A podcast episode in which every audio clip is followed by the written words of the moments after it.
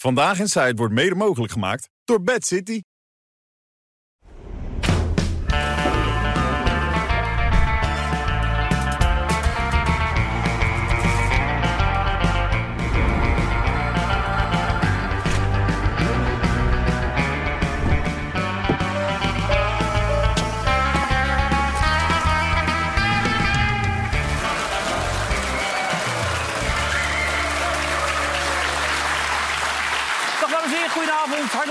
U kijkt naar alweer een uitzending. Eh, ondanks de storm zijn wij er natuurlijk altijd. Johan is iets eerder vertrokken, dat zie je ook hem. Hè. Hij zit hier al lekker bij, hij heeft er heel veel zin in. Tasje voor. Johan Derks, Wouter de Winter, René van der Grijp. En eh, Jan Rotmans, er is weer professor Dr. Meester. Alles is hij, ja. ja. Hoe- hoeveel titels heb je precies, Jan? Eh, negen. Nee, drie. Drie. Professor, dokter, ingenieur. Dus dat heeft mij ook geld gekost, maar dan, dan heb je ook wat. Ja, wat Ja. heb je dan? Status, Ja, dan zeg je, dan heb je ook wat. Maar wat heb je dan? Autoriteit. Ja? autoriteit, ja, ja. Ja? Ja. Merkte je dat ook na de laatste keer, dat je autoriteit had? Nou, ja en nee. Ik heb zelden zoveel reacties gehad, moet ik zeggen. Ja. Kijk, in mijn wereld, die duurzaamheids- en klimaatwereld... kijkt bijna niemand naar dit programma. Nee? En andersom ook niet. Dus ik heb geprobeerd een bruggetje te slaan. Maar er waren mensen op LinkedIn die zeiden... nou, eh, je hebt je knap staande gehouden tussen de brullende apen... en eh, ja, op de apenrots. Nou ja, en daar wordt een beetje neergekeken op dit programma. Dat vind ik niet helemaal terecht. Wordt hier wat neergekeken, jongens? Wisten jullie dat? Dat komt door jullie. Oh. Ja, maar dit is, Hij halen dit is, heel erg naar beneden. dit is echt nieuw voor me, Jan. Waar- waarom wordt hier op dit neergekeken op dit programma dan? Nou ja, er worden nogal wat meningsjes hè, eh, gedebiteerd. En niet altijd onderbouwd, laat ik het zo zeggen. Niet? En, eh, nee, ik, ik moet er ook wel om lachen. Op het moment dat ik iets, Ik kijk gelijk naar Johan. kijk, op het moment dat ik iets uitleg en dan gaat er een ene Playboy-bladen. Ja, ik vind dat leuk. Hè, maar ja, daar zijn dan vrouwen die, die zetten gelijk de televisie uit. Die, die kunnen dat niet uitstaan. Nou, ja, ik vind dat wel een vorm van humor. Ik kan dat wel hebben. Eh, En bovendien kreeg ik heel veel reacties van mensen die probeerden aan te tonen dat ik geen gelijk had. Nou, dat bedoel ik. Ik heb ook heel veel reacties gekregen. Die zeiden, ja, maar die Rotmans met zijn met zijn stijging van de zeespiegel... eh zijn gelul Ja. hooguit 10, 20, 30 centimeter. Hij met zijn meters en zo. Slaat nergens op allemaal. Ja. Dat soort teksten. Er zijn mensen die hebben tig keer gebeld. Mijn assistenten zijn er gek van geworden. Die eisten dat ik aan de telefoon kwam. Eh, toen ging ik kijken op Twitter. Iemand met 20 volgers die probeert iets zinnig te zeggen over de zeespiegelstijging. Aan de hand van één artikeltje. Dus ik verwijs hem keurig naar echte wetenschappelijke bronnen, zoals de KNMI. En dat vindt hij dan niet wetenschappelijk. Ja, nou ja, daar ga ik mijn tijd niet aan van doen. Ja, dat. Nee, maar kijk, ik zei laatst al: iedereen heeft recht op zijn eigen meningje. Ja. Maar niet op je eigen feiten. Maar die, die van jou klopt. En die van bij ons vaak niet, dus begrijp ik. Die van Ja, jou ik is baseer me op feiten en daar kan je dan een mening over hebben. Oké. Maar als je zomaar iets roept zonder het te onderbouwen... Ja, dan nemen Dus als wij je dat zegt, in de ik, ik wetenschap wandel door de natuur serieus. en er lijkt niks aan de hand te zijn... dat is niet echt wetenschappelijk. Nou, als je nu nog zegt dat er niks aan de hand is... Ja, dan heb je wel onder een steen gelegen, denk ik. Het heeft, eh, ik heb geen verschil gezien tien jaar geleden en nu in Drenthe. Nou, hier. Dat bedoel ik maar. Niks aan de hand, man. Ja, ik, heb, ik heb laatst geprobeerd uit te leggen... hè, dat jij dat als persoon helemaal niet kan waarnemen. Want daar heb je, daar heb je speciale Ik meetapparatuur voor nodig. dat klopt. Nee, Maar jij loopt niet met... Je gaat, je gaat er niet verder in. Nee. Ik doe geen grond... ik Nee, neem geen grond- kweekjes en zo. Jij neemt geen bodemonderzoek. Ik Nee, kweekje geen hier, kweekje daar. huis, nee. nee. Ja, maar Johan, dan moet je serieuze monsters nemen. Dan moet je serieuze zie je, meetapparatuur... hier is een dingetje Ja, je. Dan moet je daar tientallen jaren onderzoek naar doen. En die mensen die kijken dan naar jou... dat jij daar in dat bos rondwandelt of op die hei... en dat jij zegt van, nou, ik zie geen verschil. Ja, sorry, dat kan ik toch niet Nou, serieus nee, maar nemen. dat komt ook een beetje omdat ik vind dat er in dit land andere prioriteiten zijn waar ik me druk Ja, op die maak. natuurman. Hè? Nee, nou ja, je kunt wel hatelijker zitten doen. maar ik vind mensen, het welzijn van mensen altijd nog beter dan dat de heide niet zo mooi bloeit dit jaar. maar dat, dat, dat gaat toch samen, volgens mij? Ja, ja, ja. Nou, dat Ja. is wel een punt. Op het moment dat het echt veel slechter gaat met de natuur... gaat het uiteindelijk ook slechter met ons. Dat is ongeveer Nou, de hoofdboodschap. Met, met ons in het algemeen kan het haast niet slechter gaan. Zoals de situatie in Nederland is. Nou, het gaat nog redelijk goed in Nederland... als je het vergelijkt met heel veel Er andere. zijn heel veel mensen die onder de armoedegrens eh, eh, leven... die daar absoluut niet mee eens zijn. En dat is nog nooit zo erg geweest. Nee, op zich klopt dat. Maar als je het vergelijkt met andere landen, zeker buiten Europa... dan doen wij het nog steeds redelijk goed. Dus je moet alles wel in het juiste perspectief Nou, in dat plaatsen. kader daar gaan we zeker over doorpraten. Het NK eh, tegen de wind in fietsen was afgelast. Wat vond Ja, je en daarvan? dan zou je toch... één- Als het nou één dag door moest gaan, was het vandaag. Onbegrijpelijk. Godverdomme. Ja. Weet je, weet je op Kijk, waar... vorig jaar. Ja. Hier, goede wind. ja, weet je waar ze het nou opgezet hebben? Nou? Ja, 16 juni gaan ze het nu doen. Nee. Ja, dat heeft geen zin. Heb je wind mee? Ja. dat gaat niet Nee, maar lukken. juist vandaag ga je moeten fietsen. Dan waren de echte fietsers, de echte bikkels waren... Ja. Ja, dan ga je het aflassen. Ja, wind. Wouter zit Ja. ons aan te kijken. Die denkt, Ja, maar Wouter, als je tegen het? Nederlands kampioenschap tegen de wind in fietsen... Ja, nee, dan had je het Kijk, als je dat doen. je- Ja, heb je het hele jaar voor getraind. en Ja. dan, eh, ja. en dan staat er per Ja. partij wind. Er stond veel wind vandaag. We hebben beelden. Er stond Ja, veel ja. wind vandaag. Ja, ja, van ja, alle ja. kanten weer de wind natuurlijk. Het was weer verschrikkelijk. Kijk, oh. Het, was, het was weer niet best vandaag, hoor. Kijk. En deze ook. Ja, die is dan over de grens toevallig. U ziet het aan die bus ook. Die komt er nog weer achteraan, Komt hè? er zo eentje aan. Daar, toen was die erger, hè? Ja. Vandaag was die niet zo erg. Nee, was eigenlijk niet zoveel. Dan kon je ook best tegen de wind in fietsen. Ja. vandaag. Maar ehm, klimaatsverandering dit vandaag? Nee, nee, nee, Nee. Kijk, je moet het ook niet groter maken dan nodig is. Dit was gewoon een normale herfststorm. Ja. Uitzonderlijk was dat er veel bladeren aan de bomen zaten... omdat het, ja, het is een nat voorjaar geweest en relatief warm. Dus die bomen hadden het zwaar te verduren. Maar als dit nou vijf keer gebeurt in twee weken... oké, dan kan je het voor een deel toeschrijven aan klimaatverandering. Maar, Ja. maar dit niet. Oké, dus het is gewoon een normale herfststorm. Ja. Helaas is er ook iemand te betreuren, want er is één iemand overleden. Dan is Ja. de kans weer aanwezig natuurlijk dat, dat, dat de heer Timmermans dat wel weer aangrijpt natuurlijk, om te zeggen dat het eh, klimaat... eh, Dat kan je zomaar niet uitsluiten. Ja. Maar, eh, maar inderdaad, eh, volgens mij is wat er nu veranderd is... is dat we tegenwoordig op het moment dat het eh, harder dan eh, windkracht 8 gaat waaien... dat de code geel wordt afgegeven. Hmm. Wat een soort landelijke waarschuwing is van blijf binnen. Maar ik herinner me van vroeger dat het ook stormde. Ja. Maar dat er nooit code geel werd afgekondigd... en dat de treinen werden geschrapt en dat soort dingen. Het is wel een beetje paniekerig Ja.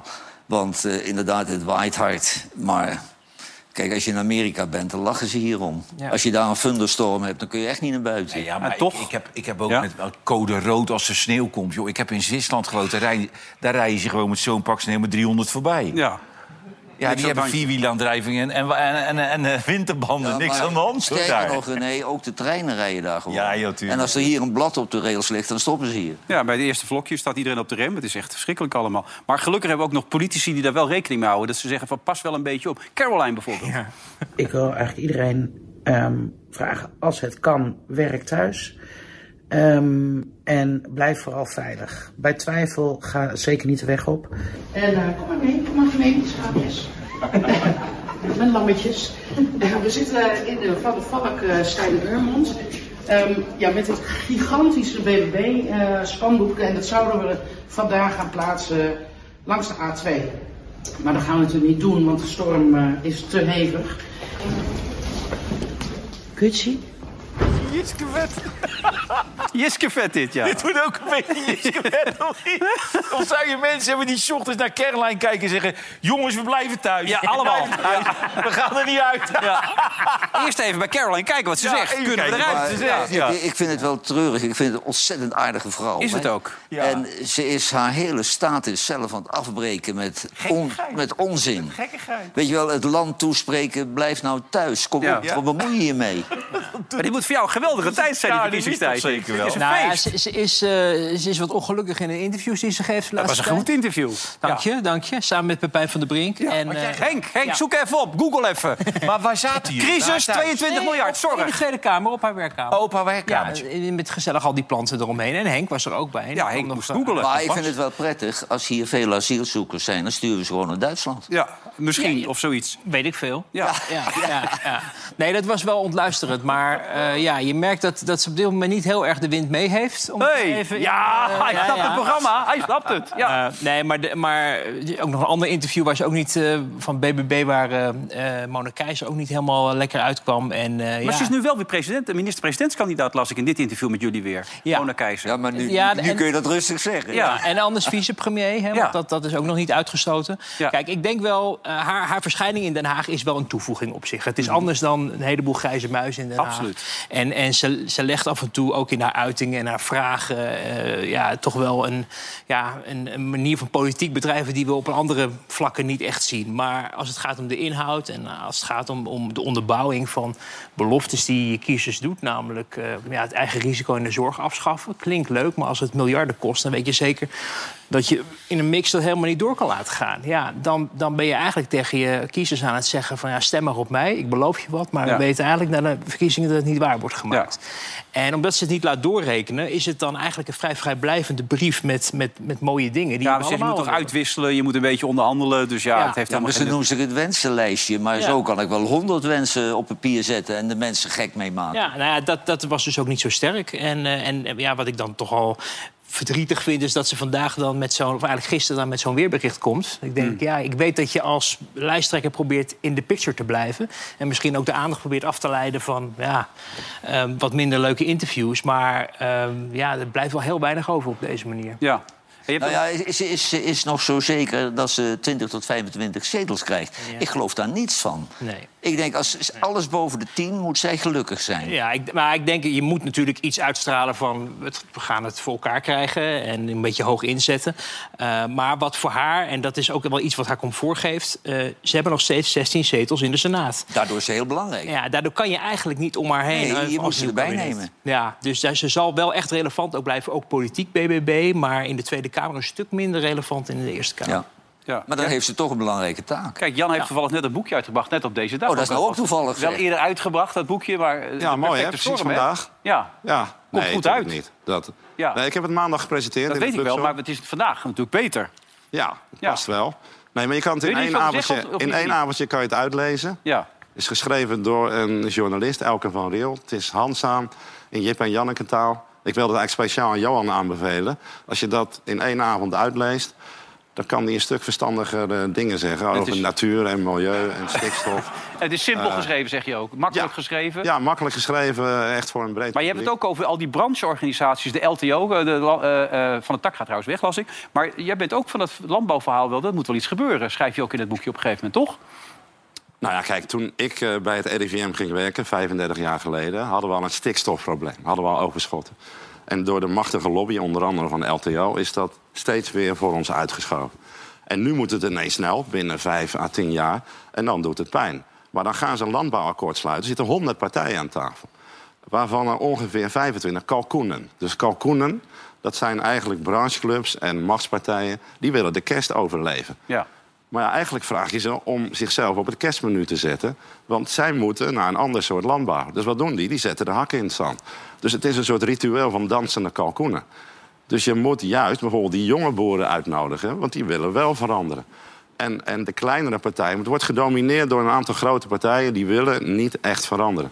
Dus ja, eigenlijk klopt dat hele landbouwakkoord niet. Al die akkoorden hebben we ook bij energie en klimaat gezien... zijn eigenlijk rituelen en leiden niet echt tot Hoe doorbraak. kijk je dan naar de BBB?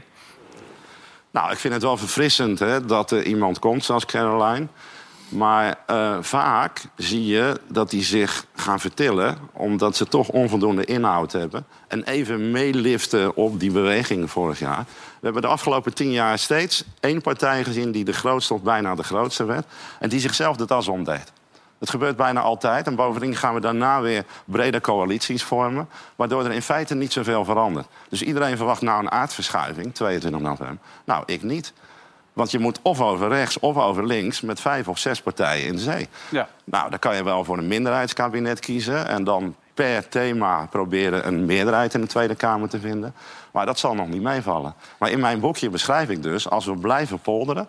dan lossen wij die grote opgaven voor energie, landbouw, zorg, onderwijs... lossen wij gewoon niet op. En, en de pijn wordt steeds maar groter en dieper. En dat polder heeft ons veel gebracht in het verleden. Maar dat, dat helpt niet bij grote transitievraagstukken. Dan moet je radicale, scherpe keuzes maken. Ik noem één, één voorbeeld, de zorg. Ik stond vanmorgen in een groot zorgcongres. Nou, ik hou een verhaal. Over twintig jaar... dan hebben we ongeveer anderhalf miljoen 80-plussers... met twee of drie chronische ziekten dan moet één op de drie mensen in de zorg werken. Dan werkt nog maar 60% van de Nederlanders, 40% niet meer. We hebben dubbele vergrijzing. Hoe gaan we dat fixen? Eén op de drie Nederlanders moet in de zorg werken. Kan dus helemaal niet. Geen politicus durft dat te benoemen. Op weg naar 22 november. Dat eerlijke verhaal wordt nooit Klopt verteld. verhaal wat, eh, wat hij vertelt, eh, Wouter? Nou, er is wel een groot probleem met de zorg eh, ook Hmm. aanstaande. Maar ook, het, en dat vind ik, eh, dat is dan waar, waar ik me als, als eh, commentator nog wel druk over maak... is dat het mensen ook niet verteld wordt. Hè? Dus dat eh, mensen wordt verteld, ja, inderdaad, je kan het eigen risico wel afschaffen... of je kan het eeuwig hetzelfde houden en niet Ja. mee laten stijgen met de stijgende prijzen. Terwijl het, het prijskaartje wel blijft stijgen. Ja. En dat legt dus een steeds groter beslag op de algemene middelen... dus de belastingen die we betalen. En dat kan je alleen maar ondervangen door inderdaad meer belasting te gaan heffen... of van mensen te vragen om zelf meer geld bij te dragen aan de zorg of meer, het genoegen te nemen met minder. En dat is een niet zo'n populair verhaal. Want mensen denken heel snel dat er wordt bezuinigd op de zorg. Maar wat gebeurt er? Er wordt alles aan gedaan om te zorgen dat de, de kosten niet verder sneller stijgen, maar een beetje stijgen. Dus dat geeft al aan hoe, hoe, hoe, Ja. welke kant het op gaat. Ja, maar kijk, geld is niet eens het probleem. We betalen nu ongeveer 100 miljard per jaar en over 20 jaar misschien 300. Het probleem is dat wij mensen niet gezonder maken, maar minder ziek. Dus wij kunnen over 10 jaar niet elke 90-jarige meer een nieuwe heup geven. Dat kan gewoon niet. Dus we moeten pijnlijke keuzes gaan maken. Niet alles kan meer in de zorg. Dus we moeten meer zorgen dat mensen gezonder worden. Preventie in plaats van curatie. Dus het hele fundament klopt niet. Wij maken mensen hooguit minder ziek. En de perverse prikkels in het systeem. Ziekenhuizen krijgen meer geld als ze meer operaties verricht. Dus hoe meer je opereert, hoe meer geld. Nou ja, er zit geen rem op dat systeem. Maar welke politicus durft dat nou uit te leggen en te benoemen? En dan heb ik het alleen nog maar over de zorg. Als ik kijk naar elektriciteit. Ja, ik was in Almere vorige week bij het college van eh, burgemeester en wethouders. De snelst groeiende stad van Nederland. Die gaan naar 350.000 mensen. Daar mag geen bedrijf meer worden aangesloten op het stroomnet. Want er is geen ruimte meer. Dus tot 2030 mogen er geen nieuwe bedrijven worden aangesloten. Alarm fase 1. Maar ook de burgers niet, want die krijgen geen garantie dat ze zonnepanelen aanschaffen. Jan, en dat mensen die ook kijken naar het programma om een beetje lekker naar bed te kunnen gaan. Dat weet je. Dit, mensen willen een beetje ik haal jullie er dadelijk weer uit. Nee, Ja. maar ik benoem hè, de echte pijn die gaat komen. Kunnen we, kunnen we Ja. euthanasie? Is dat een mogelijkheid? Dat we gewoon eh, dat we er een einde aan maken? Russische Vanavond nog. Nee, wat, dat we er gewoon een einde aan maken. Oh, nee, maar kijk, Nee, zo... kon- gewoon massaal. Nou ja, Saoedi-Arabië. Anouk zit bij de euthanasieclub. Saoedi-Arabië die heeft daar het beste middel op. Er staan honderdduizenden vluchtelingen bij de grens in Jemen die naar binnen willen. En dan zetten ze gewoon een machinegeweer op. Saoedi-Arabië. Maar, maar daar gaan we dan ook voetballen. Ja. Ja, maar Er zitten altijd mensen altijd in die hoek die altijd meedoen. Hè? Altijd die hoek. Ja, Oeh, hij is echt helemaal los, die jongen. Maar ehm, eh, je hebt gelijk. Hè? Want je, bedoel, ik, heb al je, ik heb je boekje doorgelezen, maar ik heb ook al je punten doorgelezen. Maar het is een optimistisch boekje. Ik geef aan. Ja, ik vind het een menselijk boekje ook. Je hebt het over je Ja. kinderen ook. eh, Ja. Je vertelt hele. Je hebt het ook op een gegeven moment over Bhutan, is dat geloof ik? Bruto Ja. nationaal geluk. In Ja, plaats klopt. van. Ja, ik ben er geweest met mijn vrouw. En daar vragen ze iedere net inwoner elk dit. Ehm, wat is je band met je families, vrienden? eh, ben je echt gelukkig of niet? En daar maken ze beleid op. En dat blijkt in de praktijk ook te werken. Nou ja, wij hebben het nu over brede welvaart, hè, in plaats van alleen maar BNP.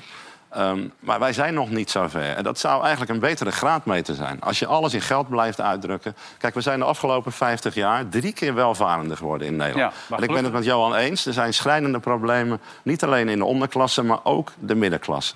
Dat klopt. Dat zagen we ook in de 19e eeuw. Maar per saldo zijn we drie keer welvarender geworden, maar niet gelukkiger. Het geluksniveau blijft constant. Het daalt zelfs iets. Dus hoe meer wij verdienen, meer geld. We worden er niet gelukkig van. Nee. Dus ergens zit er iets niet goed. Nee, maar goed, dat beschrijf je ook in dit boekje. Waarom, waarom mogen die vrouwen in Saoedi-Arabië eigenlijk niet, niet auto rijden? Die kunnen niet zo goed rijden. Nee, maar dat Is in dat Nederland... Oh nee, nee, nee, dat is het niet. Is Nee, dat nou een kwestie van onderdrukking? Nee, Zo dat zou kunnen ze gewoon niet moeten. rijden. Nee, Wat denk jij? Wat? dat vind ik het, het enige wat ze hierover moeten nemen. Ja. Maar mag ik nog één ding over het boekje zeggen? Ja. Ik, ik zal het uiteraard, zeker omdat het een Jip Ja. Janneke taal is, Ja, is makkelijk lezen. Maar Ja.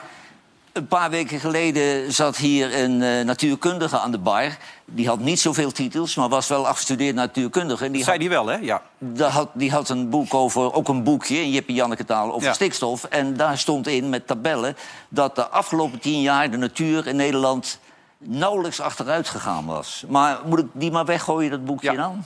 In de open haard. Ja, dat, dat is. Eh, wetenschappelijk, hè, de kritiek op hem was... hij heeft selectief gewikkeld in de wetenschappelijke literatuur. En, eh, Oh, u kent hem. Wat zeg je? U kent hem.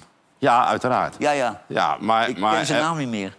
Nee, maar wij, wij hebben in Nederland echte stikstofdeskundigen. We hebben zelfs een stikstofprofessor.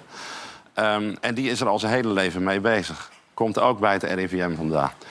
Kijk, het punt is, en die fout maak jij wel vaker... het landbouwprobleem kun je niet terugbrengen tot een stikstofprobleem. We hebben problemen met de landbouw vanwege de verdroging... vanwege de achteruitgang in de bodemkwaliteit... vanwege klimaatverandering en ook stikstof. Het zijn een aantal factoren tegelijk. Dus stikstof, de rol daarvan, die wordt uitvergroot... maar dat is niet helemaal terecht. Eigenlijk is dat nog het minste probleem. We krijgen dadelijk pas echt een probleem met de waterkwaliteit. Kijk, daar moest ik wel laatst om lachen. Jullie hadden een discussie over waterkwaliteit. Nou, Zullen we die zo even doen, Jan? Want anders zitten we de hele avond heel serieus te zijn. Ja, die, die moet je vasthouden. Want, Maar weet Oh. jij- Want ik, wil, ik wil even melden dat Ajax zojuist... Het is ongelooflijk, ze hebben Volendam verslagen. 2-0. Het is echt... Nou, Ja. ze waren blij, hè? Ze waren ongelooflijk Ze waren blij. blij? Juichen allemaal, zingen. Ja, ja, ja, ja, ja, ja. Ja, Ja, ja, ja, ja, ja. Allemaal zingen en zo. Sjaak Zwart ook voorop in de We Polonaise. roepen kampioenen, Ja, kampioenen. ja. Maar dat We hebben ze, we hebben ze, eindelijk. beetje voorbarig. Ja. Maar Ja. dan is je zo blij. Normaal krijg je een, een hels fluitconcert als je met 2-0 wint voor Volendam. Ja. Want En die hadden een paar kansen ook. En die kopbal bij 1-0 nog voor Ja, Volendam. maar weet je wat zo opvallend was? Er was een debutant, Marta heet die Ja. geloof Ja, ik. Zwa- linksbackie. zwa- zwarte jongen. Die deed uitstekend als linksback. En ze hebben voor miljoenen linksbacks gekocht... die Ja. er gekloten Maar hij van speelt, kunnen. in de, in de- hij speelt linksbuiten, hè? In de, in de, Ja. Hebben ze hem linksback gezet? ja. Leuk. Nee, die is hartstikke goed. Prima, ja. Nou, Avila kostte met 12 miljoen, we hebben het over. En die Sosa 8 miljoen. Dus ja, 20 miljoen aan linksbacks uitgegeven. In, in dat hele Saudi-Arabië, Johan is ook altijd bezig. Er is ook vooruitgang, hè? Oh ja? Want ja, ja, ze onthoofden geen kinderen meer. Nee? Ze over- onthoofden alleen nog maar mensen boven de 18. Oh. Want zeg maar, bij de 14, 15, 16-jarigen... vond- dan hadden ze het idee dat de impact te groot was. Toch wel? Ja, Oké, dat hebben ze nu zelf ook door. Dat hebben ze zelf door. Oké. Dus die onthoofden ze niet Dus die. Gijs de Jonge is het Wachten ze tot ze 18 zijn. Ja. Nu zit het is ook een... ge- Maar, maar vind je dan dat we dus... Of hebben jullie dat gisteren al? Want gisteren, Nee, ja, joh, een we beetje, doen voor beetje, alles en nog wat. Vertel, gaan we niet naar Ja, Saudi-Arabië dan? natuurlijk gaan we daarheen. Ja, natuurlijk gaan ze, want ze zijn geld, zo geld, hypocriet geld. als Het is- de tering. het is want dollars. de carrièretjes van de miljonair staan eh, op het spel. En de KNVB die moet op het ereterras zitten met de sheik, weet je wel. ja. Ja, Het is en als ze er naartoe gaan en jullie hebben dan... Het is 2035 of zo? Ja, 35, zoiets. Ja, 2035. Dan heb je nog uitzendingen. Ga je dan ook geen aan gaan besteden? Jawel, maar kritisch. Kritisch. Natuurlijk, je moet er wel aandacht aan besteden. Ik ben naar de WK in 78 geweest. We hebben nauwelijks over voetbal Ja. geschreven. Maar Maar in op- 34 en 38 was je er ook al bij toen, toch? Of niet? Ja. Uruguay, jawel. Daar was je Nou, ook al bij. Als ik een analyse moet geven van de Uruguay. Olympische Spelen 36 met Hitler... dat is ook heel Ja. Nee, maar ik, ik bedoel kritisch. eh, Uiteindelijk, eh, we rollen er toch allemaal achteraan. Al die grote clubs zijn toch ook al bijna van die Nou, we hollen er allemaal Manchester achteraan. City, Paris Saint-Germain. Qatar is worldwide niet blij geweest met de kritische pers, hoor. Want Nee. die hebben er meer last van gehad dan gemak. John de Bever is niet zo fan van de man aan de bar. dat geldt. Maar het wordt wel tijd dat John ook met een wetenschappelijk boekje Dat komt. lijkt mij ook. In Jip en Janneke Ja. halen. Hey, maar het niveau was nog niet echt om over te, naar, naar huis te schrijven. Het kan nog slecht. Die mensen kunnen er soms ook niet eens ingooien meer in Nederlands voetbal. hè. Het is echt steeds slechter aan je het dat worden. Let Nee, op, let hoorde op, let op, let op. Dit, dit, even serieus, Wouter. Hey, godverdomme. Dan hebben we ook geen geluk ook, hè. Kijk. Dat was gisteren. Bekervoetbal was dit, Nee, toch? ja, voor die jongen. hè. Ja, nog één keer. Ze hebben er VAR gehaald, maar er was toch niks aan de hand. Er was De de Ricardo. Henning, daar gaat hij. Kijk. en dan moet je nu als scheidsrechter eigenlijk de ballen er tegen... Ja, ik wou het ingooien. Ongelooflijk. Oh, ik denk oh. al, die Charles die ging ook onderuit hè, bijna Ja. de week. Heb je dat gezien? Boos. Ja, boos ook nog. Gelijk boos kijken, hè? Gelijk Gelijk, boos, kijk, kijk, kijk. Oh, Oh, oh. Ja. Godverdomme. Ja, rotrand. Oh, je even moeten zeggen, denk ik. Rotrand. Kijk, kijk, kijk. Oh, oh, oh. Ja, kijk, zo, moet, zo nu is het even nodig, Jan, hè, met al die falen van jou. Hey, ik dat snap je toch wel? Tuurlijk. Ja. Ja, maar die, uw collega's hebben gelijk. U moet hier niet gaan zitten. Nou, dan doe ik het juist wel. ja. Hey, eh, Pieter Omtzigt, wordt dat een nieuwe minister- minister-president? Ik vond je vrij kritisch vorige week in een van je columns. Dat je ook zei van ja... Ja, dat moet je mee uitkijken, hoor. Dat stellen wij niet prijs. Nee, nou, dat, nee, ik, ik heb me dus een hele week lang nerveus gemaakt dat ik hier zou komen. Nee, kijk, ik denk dat Omtzigt, eh die, heeft wel, die heeft dus weer de wind mee. Hè. Die doet de, de, de Alweer? ontmoetingen met de, met de pers eh, ook wel goed. Die doet die debatten goed. Hij heeft zijn eigen debat is ook aan het organiseren. Alleen, ik heb gehoord dat hij hier niet wilde komen. Nee. Nee, maar daar dat heeft hebben jullie wel- hem vergeven, Nee, daar hebben we niet vergeven. Oh. Maar er was niks te vergeven, want ik vind die vrijheid heeft hij. Nee. Maar hij had argumenten die ik heel goed begreep. Ja, Maar ik- alleen ik wat, wat, wat wel wat ingewikkeld wordt, is als hij, en daar ziet het er nu al naar uit, dat hij echt een serieuze kans maakt om de Ja. grootste te worden. Dan de minister-president van ons land kan worden. En Ja. ondertussen mis laat bestaan op de vraag of hij dat wil. Ja. En ik snap wel dat de campagne over de inhoud moet gaan. Dat gaat hij volgens mij ook. Hij houdt lezing na lezing en debat na debat en interview interview. Maar op een gegeven moment mag je als land denk ik ook wel weten wie straks een nieuwe minister-president wordt. Ja.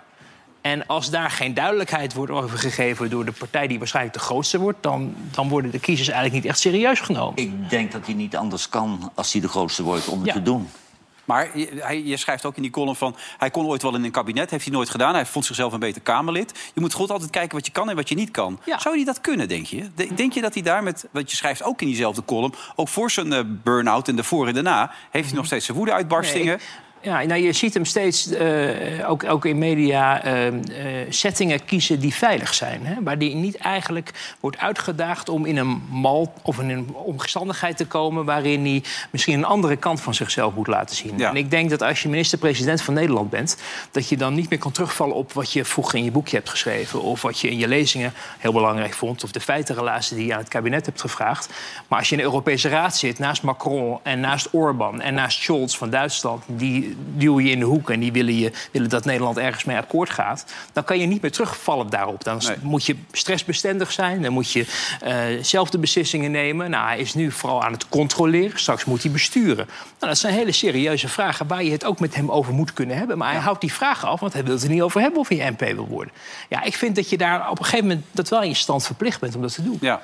Je vindt Wel, eigenlijk maar een soort dan vraag ik me ook af ditzelfde... of hij op dat podium overeind blijft met eh Dylan en met eh, Timmermans. Hoor. Kijk, Timmermans dat is wel een welbespraakte man die overal tussendoor glibbert. Maar ik weet niet of, of die ook op de been blijft tussen de Europese leiders. Nou, hij heeft op het Europese toneel natuurlijk wel Ja. eh, gefigureerd. Maar je ziet af en toe ook dingen gebeuren, inderdaad, met toespraken. Of eh, inderdaad eh, ehm, ja, mensen die erbij worden gehaald die niet meer leven. Op zijn punt kracht bij te zetten. Het is een emotionele man. En ook daar gaat op een gegeven moment de druk natuurlijk oplopen. hè. Stel er is crisis, stel er is een aanslag. Wat doet hij dan? Gaat hij dan nog in oude boosheid vervallen? Of hè, is hij toch meer proactief en, eh, en zakelijk eh, in de wedstrijd? Maar ik vind, voorlopig vind ik eh omzicht inhoudelijk het sterkst. Wat hij, wat hij vertelt, snijdt hout en eh, lijkt me zinvol. Ja. Ja, wat hij zegt aan de is bar. Vind je dat ook? Ja, ik ben het wel eens met eh, Wouter. Het is wel een overgang van controleren naar besturen. Maar hij is inhoudelijk het beste en het meest op de hoogte. Hij is echt een dossiervreter. Hij, ik heb ook wel eens contact met hem. En dan, hij graaft zich helemaal in. Dat is zijn kracht. Om nou te zeggen, hij heeft een echte visie op waar het naartoe moet... dat, dat vind ik dan weer niet. Maar hij legt wel pijnlijk de vinger op de zere plek. Ik denk niet dat hij de kwaliteit heeft om het land te besturen. En dat hij zich staande houdt in Europa. Dat denk ik ook niet. Maar volgens mij ambieert het. Hij ambieert dat ook helemaal niet, volgens Ja, eerst wilde hij niet eens de grootste worden. Toen opeens wilde hij wel de grootste worden. Nou ja. Ja. En, en de mogelijkheid bestaat dat hij het nog steeds niet wil. En dat hij zegt, ik ga het niet doen. Ik laat het aan iemand anders. Maar mogen we dan misschien weten wie dat dan gaat worden namens NSC? Wie wordt dan de, de Nou ja, maar premierskandidaat? Je hebt ook wel eens bij een krant. We hebben allebei bij een krant. Jij werkt er nog. Nog steeds, Dan ja. heb je een hele goede journalist. En dat is een beetje personality. En dan zeggen ze, die maken we hoofdredacteur. Daar wordt de krant altijd minder van. Want je bent die hele goede journalist kwijt. Dat gebeurt heel vaak. En dit is een waanzinnig goed Kamerlid. Maar die wordt nu eigenlijk door de omstandigheden... bijna gedwongen om straks minister-president te worden. Ja. Nee, zeker omdat het ook een beetje bij de Nederlandse traditie past om dat te doen. Hè. Dat de grootste wordt dan hè, de, de, ook uiteindelijk de formateur en de MP. Als hij ervoor kiest om dat niet te doen, prima. Maar laten we dan ook even kijken wie er dan namens hem naar het torentje wordt gestuurd. En Ja, die dus leiding gaat misschien heeft hij daar bij zijn aantrekken van, eh, van mensen aan gedacht... dat hij iemand gewoon achter de... Maar had je, heb jij op die lijst al iemand Nee, gezien die... eh, nee, nee. het zijn eigenlijk allemaal vreemden met wel een behoorlijke cv. Ja, ja. Nou ja, dat, dat is het inderdaad. Dan even naar dat water. Hè. Wij waren hier laatst bezig over het water. Daar kwam Jan niet meer aan toe met dat water. Toen hebben wij het nog even geanalyseerd. geanalyseerd. Toen zei je ook gewoon in Spanje. Het eerste... Ja, maar ik vind dat, ook, dat vind ik ook niet erg. Ik vind het totaal niet erg als er geen schoon water uit de, uit de kraan zou komen. Nee, laten we even Uit- kijken. Dit, dit zei je toen. Dat- Als Ja. er geen water uit de kraan komt, ga je gewoon naar de winkel. Maar waarom moeten wij überhaupt schoon drinkwater uit de kraan hebben? Zo, daar heb je gelijk in. Gewoon alles drinken wat je kan drinken, toch? Gewoon. Nou, nee. Maar, maar, nee, maar, nee, maar in Spanje, Ja. als je in Spanje bent, weet je van tevoren... Ja, je gaat de supermarkt in en Ja. je behaalt van die grote Nou, dingen ja, water... voor thee, voor koffie, Nou, en- voor je tanden te poetsen. De Gazastrook ook, hè? Kunnen ze het het water ook niet ik drinken? vond, ik vond het niet erg. En, Nee, en dat water wat uit de kraan komt om te douchen... Ja. Dat, kan je, dat moet je niet drinken. En Ook, Nee. dat vind, ik vind dat niet erg. Nou, hier, is geen enkel probleem. Jan. Ja. ik heb daarna gekeken s'nachts in de herhaling. Ja. Je hebt geen oog dicht gedaan, Eh, zeker? Het waren ongeveer vier eh, historische minuten. Eh, dan denk ik, ja, ik vind het niet erg dat jullie zo'n onderwerp aansnijden. Ja. Maar het gaat niet om drinkwater. Nee. Het gaat om oppervlaktewater. Ja. Kijk. Die, Ja, maar dat die- drink ik niet. Ik zit die hele tijd aan de oppervlak te likken. René. Wij thuis die hele dag aan de oppervlak te nee, likken. ons, ons drinkwater is ongeveer het schoonste van de hele wereld. Het is Ja. ook het lekkerste. Ja. En dat komt omdat wij zulke strenge eisen stellen. Omdat Klopt. we een geweldig drinkwaterleidingnetwerk hebben. Zeker. Zonder veel nou ja, gaten erin. Dus ons drinkwater is aanzienlijk schoner dan in Engeland, Frankrijk, Spanje. Het probleem is, het oppervlaktewater wordt vuiler... door lozingen vanuit de industrie en de landbouw. Gifstoffen, meststoffen en bijvoorbeeld de cosmetica, farmacie. En de richtlijnen die er aankomen in. Brussel... die gelden voor oppervlaktewater en voor grondwater. Nou, dat drinkwater dat maken wij uit grondwater, voor een groot deel. Voor een klein deel in het westen uit oppervlaktewater. Maar het drinkwater is het probleem nu nog niet. Het oppervlaktewater is te vuil. En wij weten nu al dat wij nu niet aan de normen gaan voldoen in 2027.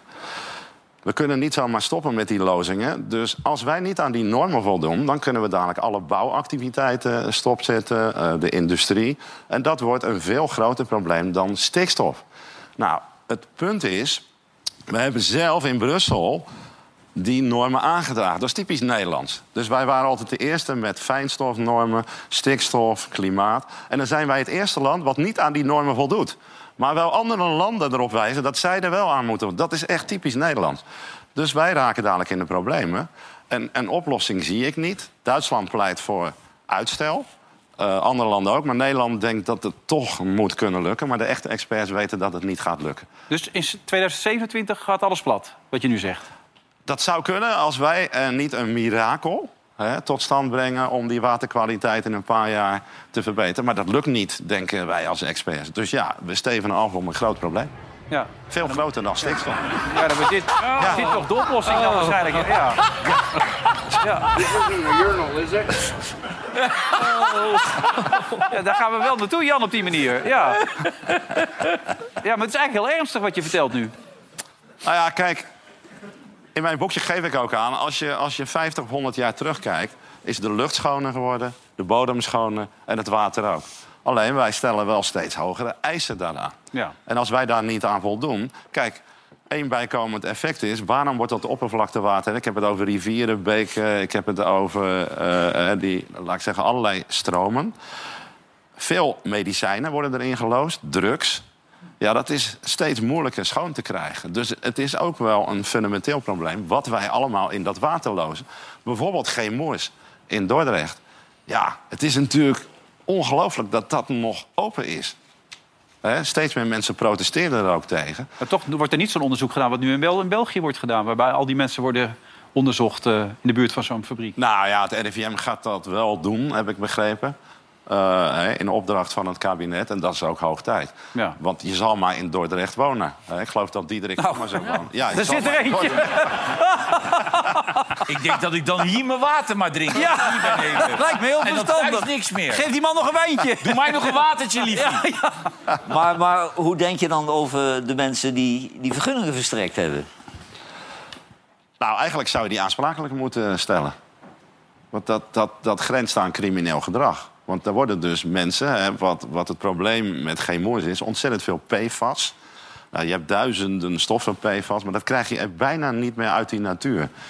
En, en ja, pas sinds een jaar of tien weten we daar genoeg van. En chemoes is daar een kampioen in ongeveer. En die ontkennen dat bijna. En ze zeggen dat ze zich aan de wet houden. Maar in feite vergiftigen ze mensen gewoon. En vergiftigen ze natuur. En dat dat in 2023 nog kan, vind ik een, een Ik vind het echt een schande. Nu, nu denk ik dat die ambtenaren van, en van de gemeente en van de provincie... die vergunningen verstrekt hebben in het kader van de werkgelegenheid. Want die hadden die kennis ook niet, hè? Ja, Op dat moment niet. Nee, Ja, de- dadelijk komt maar met de kennis van nu... Thuis kan niks meer drinken. Geef hem een flesje Ben ik mee. echt te lul? Ja, kan je een flesje meegeven Geef dat dadelijk flesje aan mij? mee. Ja, zet hem maar neer inderdaad, ja. ja. Met de kennis van nu al zouden ze die vergunningen nooit meer verstrekken. Nee. Nee. Nee. Ben je ook fan van Herman? Jij bent wel een beetje van Herman Brood fan ben jij wel een beetje volgens mij. Als ik Ja, klopt. Dat is Ja. wel een held van mij, ja. Ja, dat geloof ik ook. Er zijn problemen geloof ik hè, met het Nou museum. ja, ik ben een liefhebber van het Herman Brood Museum. Dat is, zit in een prachtig pand in de binnenstad van eh, Zwolle. Ja. Tegenover dat hele grote, eh, mooie museum daar. En eh, ja, die hebben het financieel moeilijk. En die krijgen van de gemeente krijgen ze 30.000 eh, subsidie per jaar. Maar die hebben nu verzocht eh, een eenmalige extra uitkering van 70.000. Wat heeft de gemeente gedaan? Die heeft weer een peperduur bureau ingeschakeld. Nee. Die gaat uitzoeken of dat museum toekomst heeft. Maar zo'n museum, het gaat namelijk over een jongen... de grootste rock'n'roll-held die Nederland ooit gehad heeft... die geboren en getogen is in Zwolle. Er is ook een Herman Brood steeg. Ik had hem een straat gegund, maar Ja. De christelijke partijen vonden een steeg Die waarschijnlijk vonden steeg genoeg. wel passen bij Herman, ja. Maar dat zijn dingen in een stad, die geven een stad iets extra's. En dan denk ik, geef nou die 70.000 gewoon aan dat museum... Ja. en laat dat onderzoek met dat bureau achterwege. Ja, nee, vind ik ook. Ik bedoel, eh, wat een bijzondere gozer. hij heeft, fenomeen. Hij heeft, hij heeft dit ook nog. Dit is een beetje het ontwerp van, van Herman, dit ook, als je het zo ziet. Hè? Ja. Herman zo zou zo'n kijken. trui kopen. Dit, dit had Herman Ja. gemaakt. Dat. Had hij ja. wel paars moeten zijn. Vind, je- vind je hem mooi, Wouter, of Ik niet? wil hem hebben, hoor. Ja, wil je hem hebben? Ja, je vindt hem echt mooi? Ja. Dan moet je hem kopen. Ja, ik ga... Nee, Wilfred, ik vind... Kijk, komt hij zo uit ik vind- uit voor ik naar vind beneden. Als Maar nee, hoor. hem nu aandoet, mag hij hem houden. Ja, dan mag je hem hebben. Wil je hem dan? Ja, dan komt hij. Heel goed. Kijk, ja, dan moet je hem ook even aantrekken, Wouter. Hartstikke leuk. Ja, dat is een mooi truitje. Je kan hem nog kopen Het is trouwens, een via onze uh, shop. small, hè?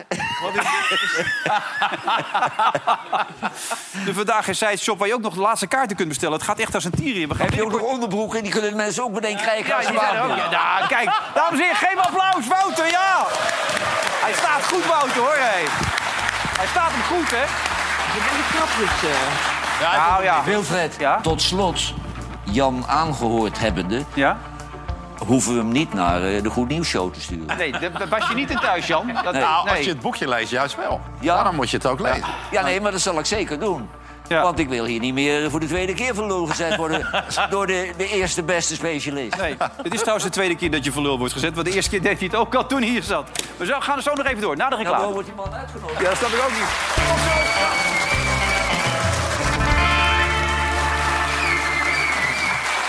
Hij is toch nog te koop, deze trui, want hij schijnt net iets te klein te zijn voor Wouter. Dat had ik niet verwacht, Wouter. maar ja? Hij, is, hij is te klein, begrijp Hij ik. gaat wel, hij gaat, ja, maar ik hoop wel op een groot exemplaar. Want, Maar het is wel eh, een emmetje die toe, ja. Ja, gaan we regelen. Komt helemaal goed. Dus eh, dat is helemaal goed. Hey, joh, jij maakt je voor de uitzending ook een beetje zorgen over de spanning in Nederland. Hè? Dat het steeds erger wordt. Nou ja, ik ben in principe een, een, een voorstander van die spreidingswet. Hè? Ja. Want het is een Nederlands probleem en dan moet je ook allemaal een beetje de lasten dragen. En niet een paar plaatsen. Maar ik voel overal in Nederland brandhaarden... dat de mensen gaan zich verzetten en worden ongenuanceerd. Hè?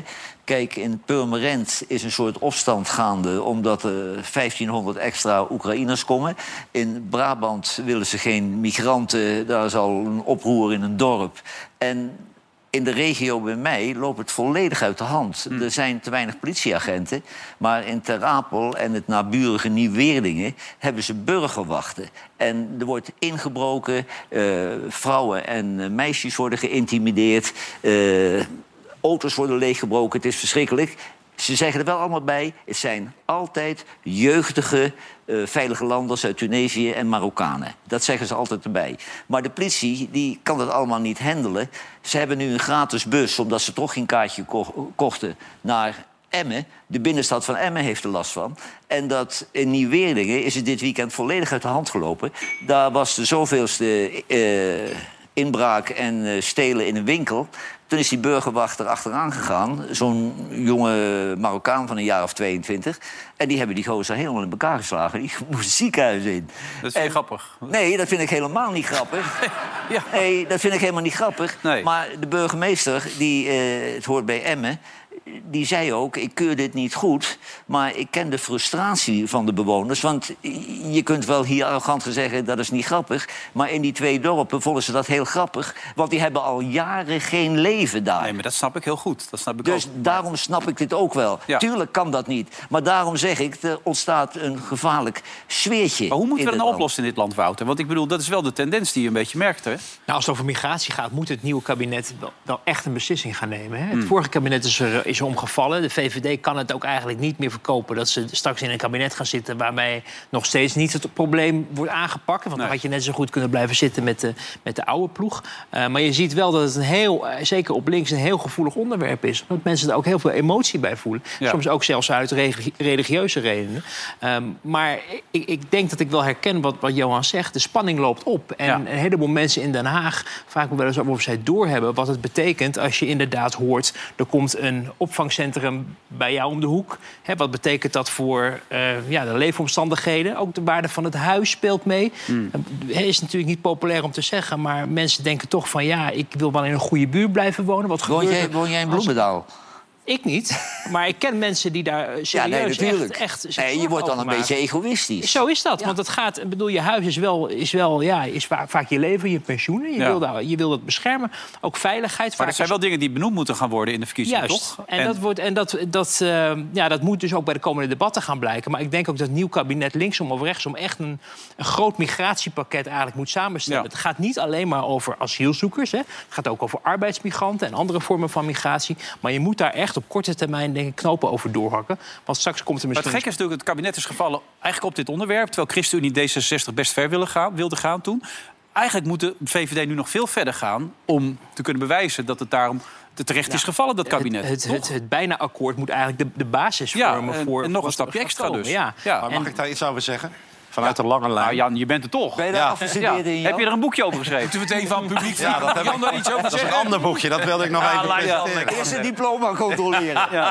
Kijk, je hebt drie typen migranten. Hè? Je hebt studiemigranten, je hebt asielmigranten en arbeidsmigranten. Nou, ehm, die arbeidsmigranten hebben we in de toekomst hard nodig. Ja. Want we hebben die mensen nodig in de zorg, in het onderwijs, in de industrie. Eh, asielmigranten kan je proberen een rem op te zetten, maar dat valt niet mee. Hè. Omzicht wil het Denemarken-model, maar dat leidt tot eindeloze procedures. Duitsland wil er juist van af. Maar je moet wel onderscheid maken tussen die drie groepen. Kijk, die studiemigranten zijn er te veel. Hè. Ik moet vaak in het Engels doseren, terwijl er één ja, buitenlander zit en de rest Nederlanders. Dat is natuurlijk onzin. Dus terecht heeft Dijkgraaf gezegd, de basis moet Nederland zijn. Maar die arbeidsmigranten, die hebben we echt keihard nodig de komende 20, 30 Maar nu jaar. zei Jettent vandaag, er mogen alleen maar nuttige arbeidsimmigranten... ja, dat vond ik een beetje een ongelukkige eh, uitspraak. Want wat is nou nuttig en, en niet Nou, nuttig? vaak hoger opgeleid had hij het dan ook over, want eh, daar hebben we ze heel hard nodig. Nou, maar Jan, jij, jij zegt eh, migranten in, in de arbeidssfeer hebben we nodig. Nu was de Hogeschool Tilburg, die heeft met een een of ander bureau... eh, allerlei mensen uit de zorg uit Indonesië over laten komen... met gouden bergen beloven. Die kwamen in Nederland, die hebben daar een hoge prijs voor moeten betalen... en het blijkt één oplichtersbende te zijn. Ja, maar daar doe ik natuurlijk niet op. Hè, er zullen heel veel hè, eh, nuttige arbeidskrachten kunnen komen uit Zuidoost-Azië. Ja, maar zeker uit de zorg hebben we ze nodig. Natuurlijk. Ja. Maar ook uit Oost-Europa. Hè, Kijk naar de Oekraïners. hè, eh, 80, 90 procent heeft een baan gevonden. Belangrijk is dat je zegt, er moet onderscheid in gemaakt worden. René, Ja. nog even, even Nederlandse trots. Eigenlijk een van de weinige trainers die het internationaal goed deed. Niet meer doet, helaas. Weer verloren gisteren thuis tegen Newcastle. Eh you will be sacked in the morning. Ehm, Ja, hij heeft het moeilijk en dan gaat alles zich tegen je keren. Hè. Op een gegeven moment dan heeft hij die Sancho heeft hij eruit geflikkerd. ja, had je ruzie mee? Eh, als het goed gaat, zeggen ze van. eh, als het goed gaat, zeggen ze van eh, hij is duidelijk en hij is. eh, en als het niet goed gaat, zeggen ze van ja, had die gozer lekker bijgelaten, want die had een wat nodig. ja.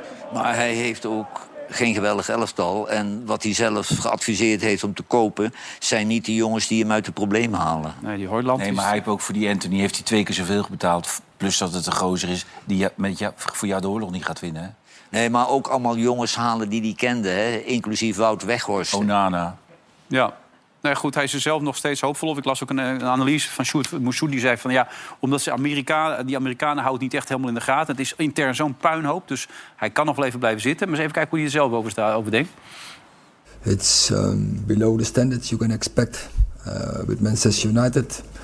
This is um, not good enough by far. As a team, uh, uh, we are we are not good enough, and whatever the reasons are, um, there's no no space for for excuses. Uh, we have to do things better, and that uh, then we have to raise our standards because. Uh, otherwise, you never get the right levels, and you never get the performance, and you never get the results. Hij moet ook het Engels doseren, hè? Ja. Klonk het goed? Goeie teksten? dit? Open deurtjes. Ja, is echt eh, een Ja, toch? beetje op zijn van Gaals, hè? Niveau moet omhoog. Ja, dat Steenkolen ook. Engels. Ja. Meer doelpunten maken, Ja. minder tegenkrijgen. Ja, 11 tegen 11. Zeker. Goede spelers kopen. Goede Ja. spelers kopen. Dat is het enige Ja. wat helpt. Voor Hey Jan, je hebt ons toch een beetje geraakt. Ik merk het aan iedereen een beetje. We zijn wat aangeslagen door die opmerking dat jij zegt dat wij toch een wat minder niveau hebben. Natuurlijk de mensen op ons neerkijken en zo. Dat terwijl toch eigenlijk wij het niveau altijd een beetje proberen omhoog te trekken. Dat merk jij toch ook, Wouter, of niet? Kijk, wat, eh, kijk Daarom hebben we Wouter ook erbij wij, gehaald. wij, wij, wij zetten trends ik kom juist voor jullie op, hè? We hebben natuurlijk die dildoplakker, hè? Met die, die ken je wel, die dildoplakker. Ja, ja. Die gozer met dat ding op zijn Ja. hoofd. Dat wordt steeds verder uitgevoerd. Overal op scholen nu ook al. Kijk, die dildoplakker, kijk, mag niet opgenomen worden. Komt overal voorbij. Ja. Ja, een groot succes. Ja, nee, maar dat geeft toch aan Zou ik dat ook niveau, trots op zijn. hè, dat, Ja. dat zit best wel goed. Maar jij durft niet morgen de collegezaal in te gaan met onze helm.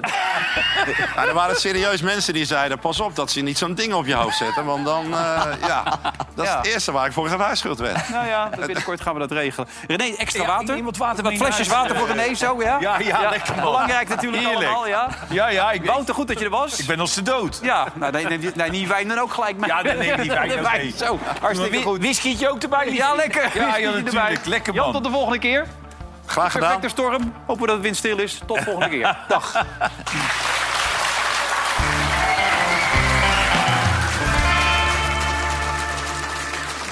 Vandaag in Zuid werd mede mogelijk gemaakt door Bad City.